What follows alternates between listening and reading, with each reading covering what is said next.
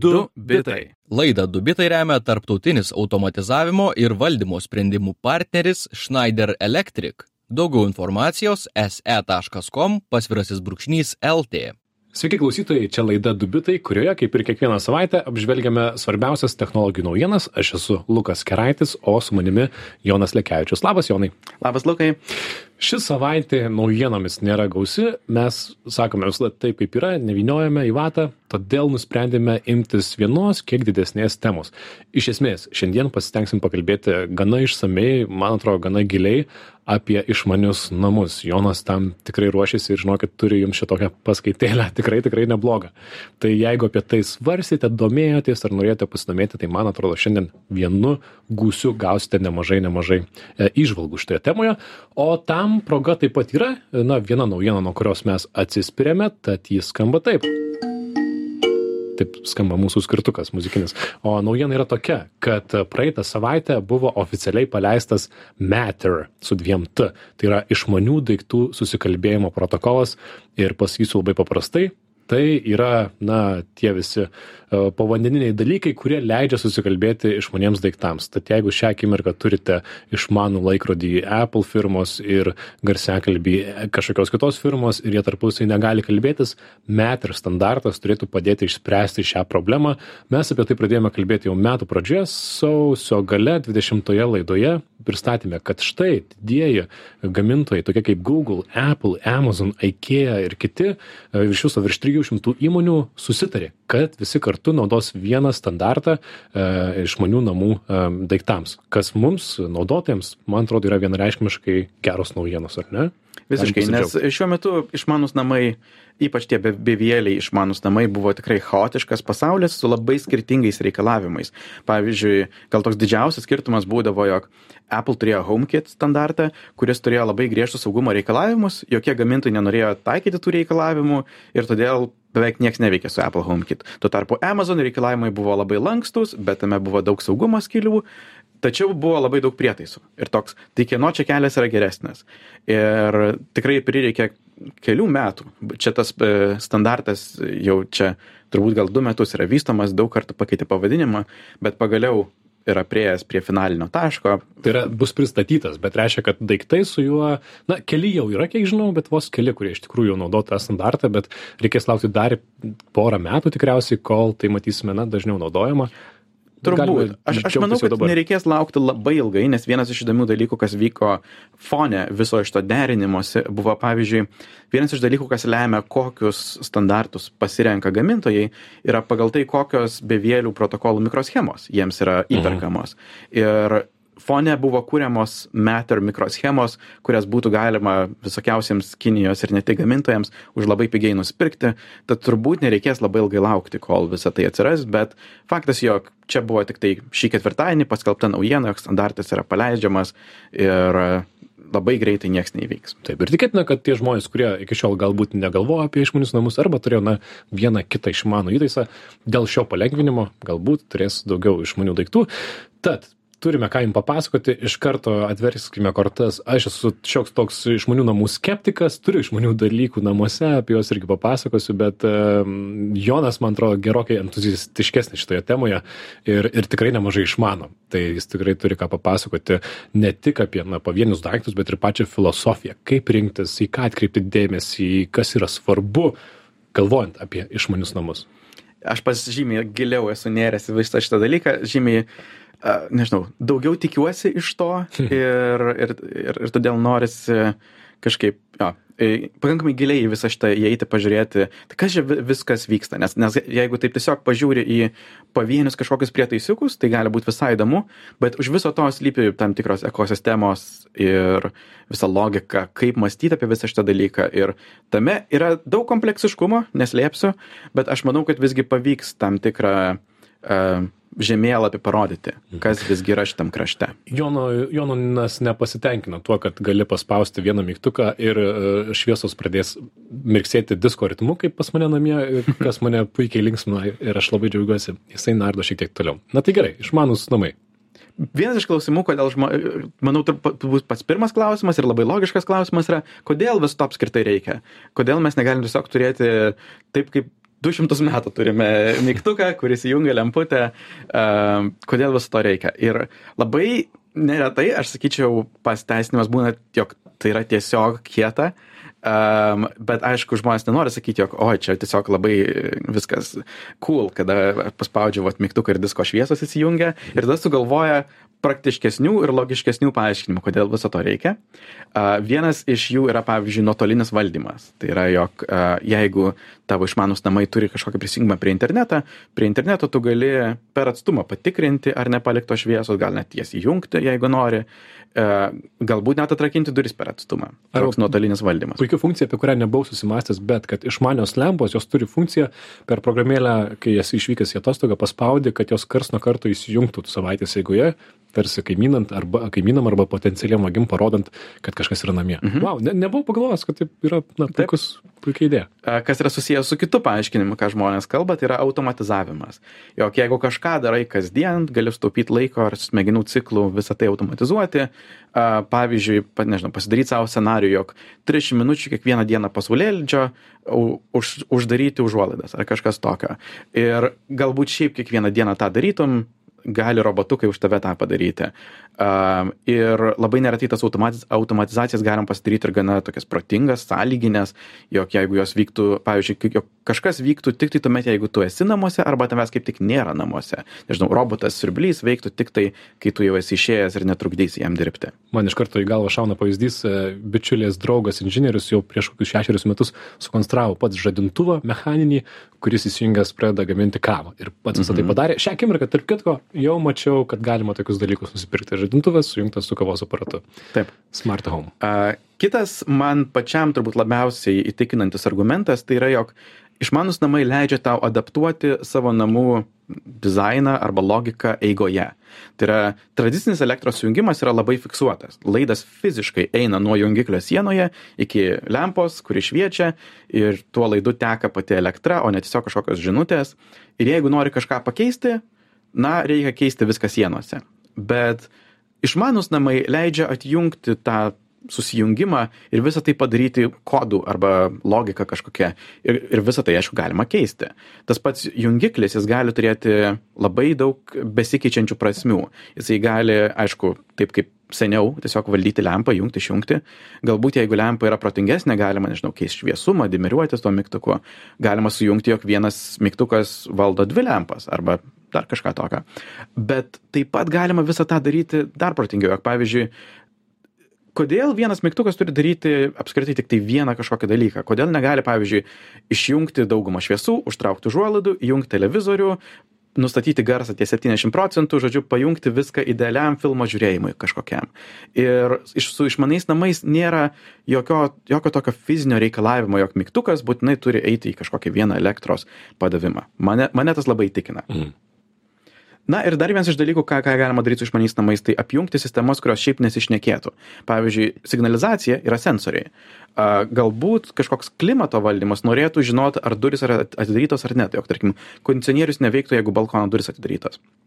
Su paprastom sistemom jos nėra prašiusios šnekėtis bet jeigu išmanūs namai yra pilnai apjungti tai vėlgi kondicionierius gali žinot ar yra atidarytos durys o tai jau susiję su, signalizacija, tarkim. Taip, čia tokie dalykai, apie kuriuos mes, man atrodo, nedrįstam netgi ir pagalvoti, ar ne, kad kondicionierius išsijungtų, supratęs, kad atidarytas balkono langas. Šią mhm. akimirką mm. man čia toksai, wow, netrodo, kad rytoj ar poryt tokį, tokį balkoną turėsiu dar. Aha.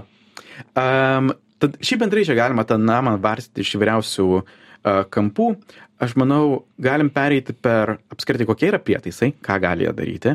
Galim pašnekėti kokiais protokolais jie veikia nes protokolai yra tam tikra prasme ekosistemos į kurias tu į įlendi ir iš jų išlipti gali būt šiek tiek sudėtingiau tad svarbu teisingai pasirinkti jeigu visko labai daug prisidarai tuomet reikia pradėt galvot apie kažkokias namų smegenis a kur kurios viską taip pradėtų kontroliuoti ir žinotų ir apie klimatą ir apie signalizacijas ir apie vaizdo sistemas ir visa kita.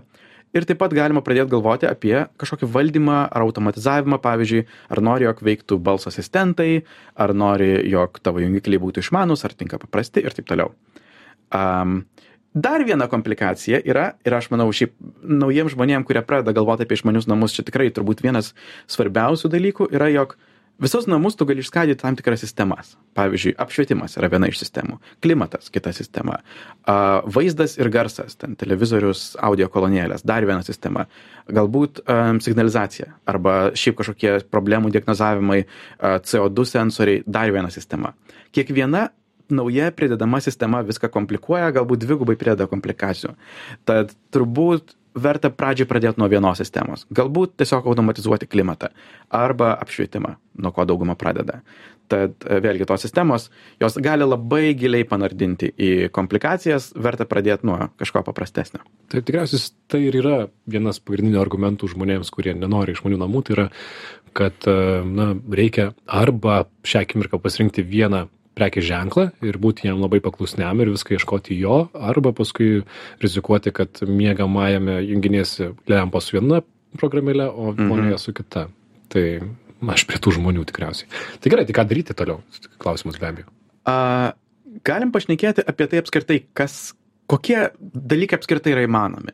Um, tai viena yra sensoriai. Sensoriai um, visokiausi dalykai, kurie informuoja tavo išmanų namą apskritai, kas vyksta. Tai gali būti judesio davikliai, durų atidarimo davikliai, kaip, kuriuos šiaip ar taip žmonės kartais į, įsidegia. Taip pat visokiausi, pavyzdžiui, temperatūros, šviesos, CO2 sensoriai. Visa tai yra labai naudinga, jeigu nori vėlgi pradėti formuoti kažkokią logiką. Jog tai nebūtų, pavyzdžiui, jog saulė uh, Saulė keičiasi metų eigoje, tad apšvietimo sensorius yra visai naudinga. Kita dimensija, apie kurią verta galvoti, yra, kaip nori turėti tą vartotojo sąsąją. Pavyzdžiui, ar nori, beveik visi nori turėti fizinius jungiklius sienose, tai čia yra savaime suprantama. Tiesa, tie išmanus jungikliai, kadangi jie juos gali valdyti tiek kodas, tiek žmogus, tu negali iš jų matyti jų statuso tiesiog žiūrėdamas į juos. Tad ne- neretai jie turi lemputes, pavyzdžiui, kurios indikuoja, ar kažkas yra jungta ar neišjungta. Taip pat galima, aišku, tą valdyti per savo telefoną, planšetės, appsus. Labai neretai geresnė patirtis yra, jeigu tu gali tą sudėti kažkokį vieną appsą. Pavyzdžiui, Google turi Google Home, Apple turi Apple Home, Alexa irgi turi uh, savo valdymo sistemą. Yra žymiai patogiau, kada viskas yra vienoje programėlėje, tad tam irgi yra sistema. Ir galiausiai yra balso asistentai. Google Assistant, uh, Apple Siri. Tad aš, man pačiam tai yra pats mėgstamiausias būdas valdyti namus. Um, kiekvieną naktį aš išjungiu mėgamojo šviesas, net nepasisukęs lovoje, tiesiog iššaukiu į orą, hey Google, turn off the bedroom lights ir jos iš, užsi, užsidaro. Aš kiekvieną rytą eidamas į dušą sakau, hey Google, play music ir man sako, ok, play music on Spotify. Ir Nice. labai smagu, kad nereikia eiti ir spausti. Tai taip, valdymas balsų toksai kaip ir dabar jau no-braineris vadinamasis, ar ne, turėtų būti daug kur. Taip. Ir tų pačių prietaisų, kuriuos galima valdyti, irgi yra a, labai daug. Dauguma pradeda galbūt nuo šviesų. Neretai tos išmanios šviesos jos turi ir daugiau funkcijų, pavyzdžiui, RGB, kur gali keisti jų spalvą arba diskoteką įsijungti savo. Kiti tokie įdomesni prietaisai, pavyzdžiui, yra motorizuotas užuolaidos. A, Aš sakyčiau, viso, visi tie robotai siurbliai, jie taip pat patektų prie išmanių namų.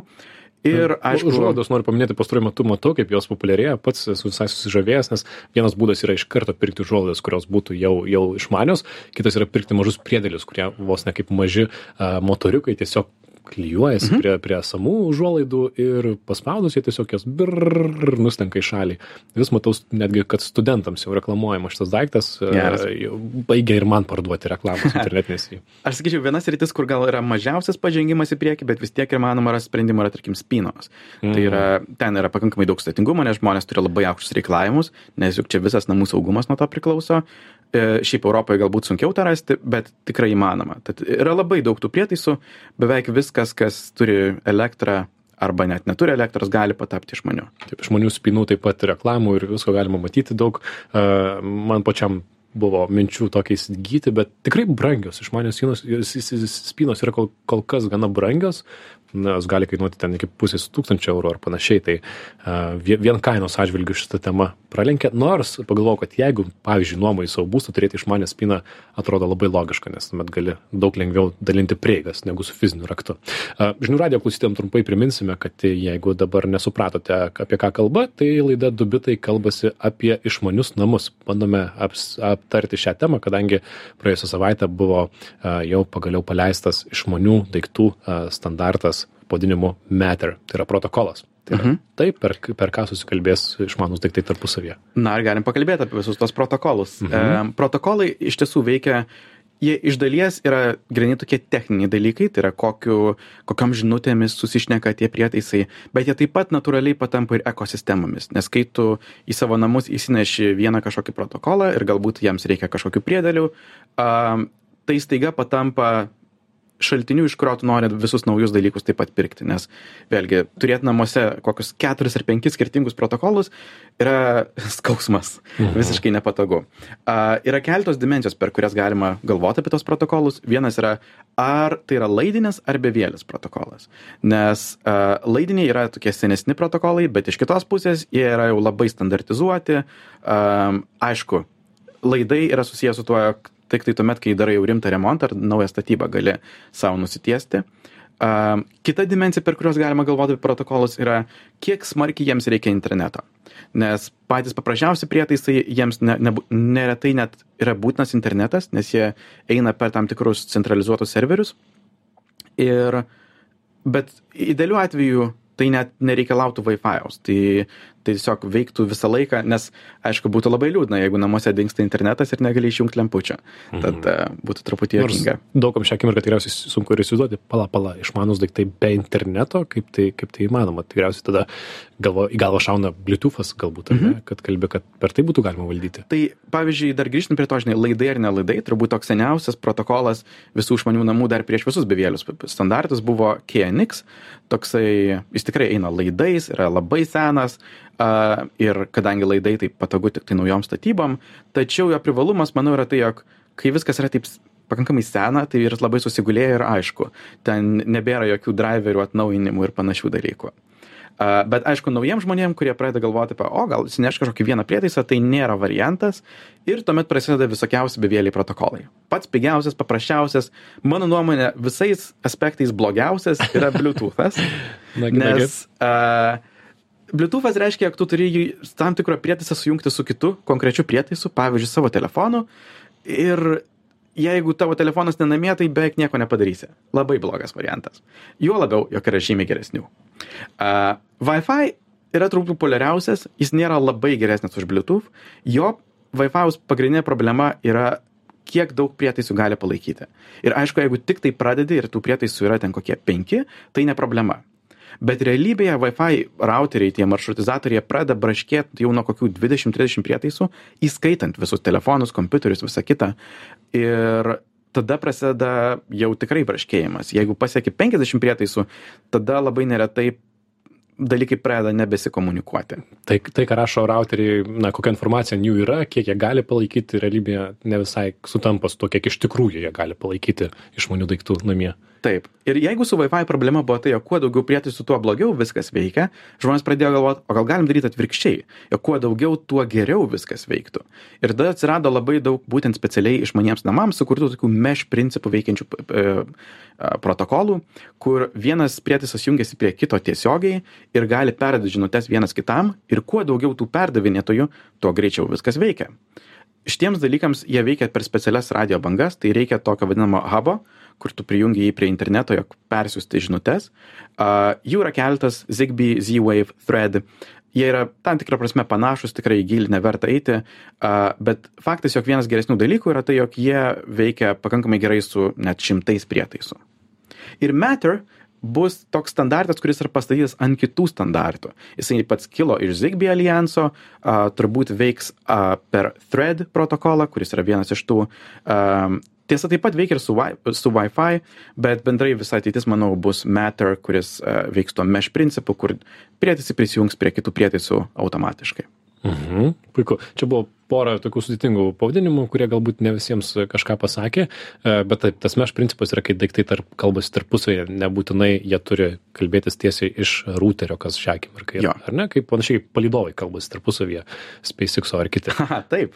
Uh, ir dar vienas uh, dimensija, apie kurią verta pagalvoti, yra atvirumas.